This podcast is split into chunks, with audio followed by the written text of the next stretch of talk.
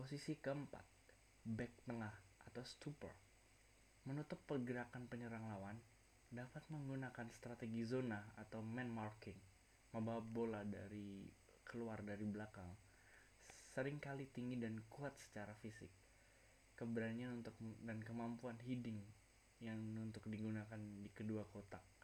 Contoh, di kelas Sul. Sul dipresentasikan sebagai back tengah modern masa kini dengan badan yang terbilang cukup tinggi. Dirinya hebat dalam duel udara serta memiliki akurasi passing di atas rata-rata pemain belakang Bundesliga.